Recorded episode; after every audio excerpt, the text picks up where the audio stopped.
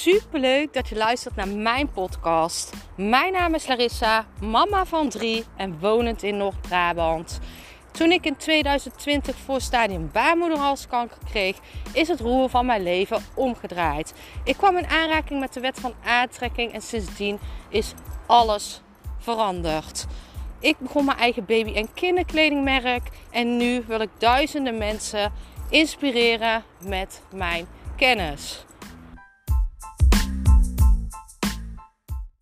Vandaag in de podcast ga ik een stukje verder op de podcast van gisteren over het stukje geven zonder verwachtingen. Maar ook een stukje op de verantwoordelijkheid van anderen. Dat iedereen zelf verantwoordelijk, verantwoordelijk is. En ik had een gesprek met een klant van mij en zij vertelde daarin dat zij zich soms te veel voelde. Dat ze zich soms wanhopig voelde of dat ze het idee had dat als ze iets gaf, dat ze wanhopig overkwam. Of dat ze dan zich te veel voelde. En ik, zei tegen haar: Dit gevoel zit waarschijnlijk in jou. Misschien heb jij je vroeger dan te veel gevonden. Hè, ging er aandacht bijvoorbeeld naar je broer en zus.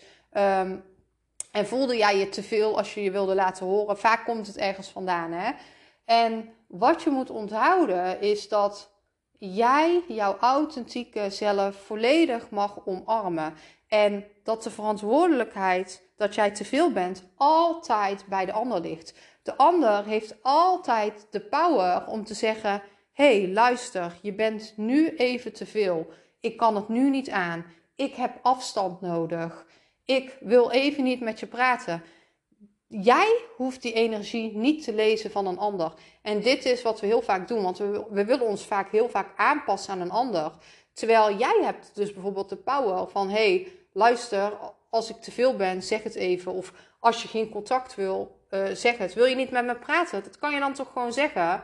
Ik bedoel, het is altijd twee kanten uit. Je moet altijd jouw authentieke zelf zijn. En als iemand dit niet kan accepteren, dan heeft die ander zelf de verantwoordelijkheid om te vertellen: hey, dit ligt me niet. Of ik heb hier geen tijd voor, ik heb hier geen zin in. En als jij merkt dat jij toch de energie moet lezen, dan kan je daar zelf wat van zeggen. Dan kan je zelf zeggen: hey, luister. Uh, vind je het nog wel leuk dat ik dit doe? Of um, moet ik dit nog wel doen? Of hé, hey, ik merk uh, dit of dit. Heb je afstand nodig? Jij hebt hier altijd de verantwoordelijkheid in als die ander het niet pakt. Je moet je nooit gaan inhouden voor een ander. Je moet je nooit gaan aanpassen aan de situatie voordat er iets is gezegd over de situatie. Want dat is wat we heel vaak willen doen. En is hetzelfde bijvoorbeeld met hulp hulp ontvangen. Wat ik dan bijvoorbeeld zie, uh, waar we het dus ook over hadden, is dat bijvoorbeeld, hè, dan, um, we hadden het in dit geval, hadden we het over een afspraak waar zij uh, heen moest. Um, maar zij had geen auto, dus haar ouders moesten haar ophalen. En um, uh, zij voelde zich te veel over uh, het vragen dat ze ook nog langs haar kwamen. Want dat was dan best wel omrijden, was een half uur omrijden. En dan moesten ze daarna nog naar een afspraak toe. En wat ik dus tegen haar zei is: Als ik jou nu vraag, wil je mij helpen? Wat zeg je dan? Dan zeg je ja, of ja, tuurlijk wil ik dat, maar ik moet even kijken of het lukt. Iedereen is in staat om elkaar te helpen. En Iedereen is zelf verantwoordelijk om te kijken of dit in zijn of haar agenda past. Dus als jij het niet vraagt, dan, dan druk je eigenlijk weer jouw eigen verlangens weg. Dan zet je eigenlijk iemand anders verlangens boven jezelf, maar je geeft de ander geen kans. Je geeft de ander geen kans om jou te helpen.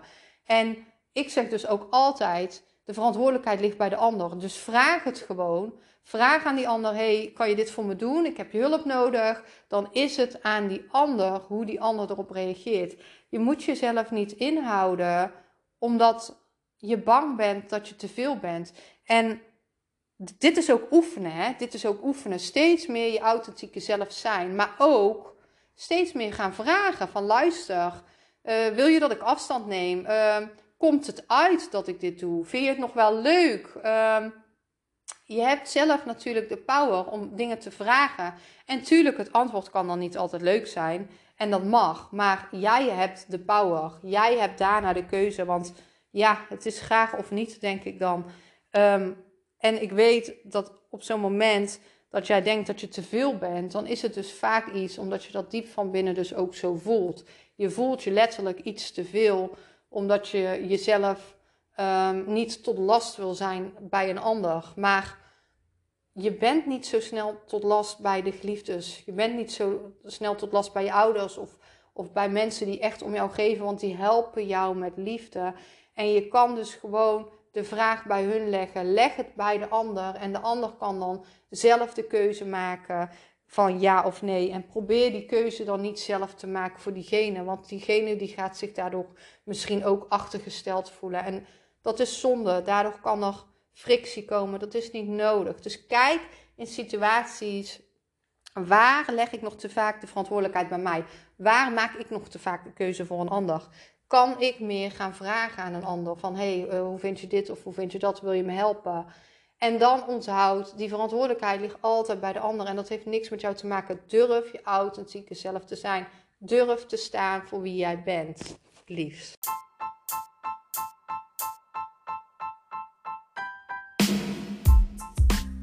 super bedankt voor het luisteren van mijn podcast. Ik zou nog één dingetje van je willen vragen en dat is: zou je alsjeblieft deze podcast willen delen in je Instagram story en mij een beoordeling willen geven?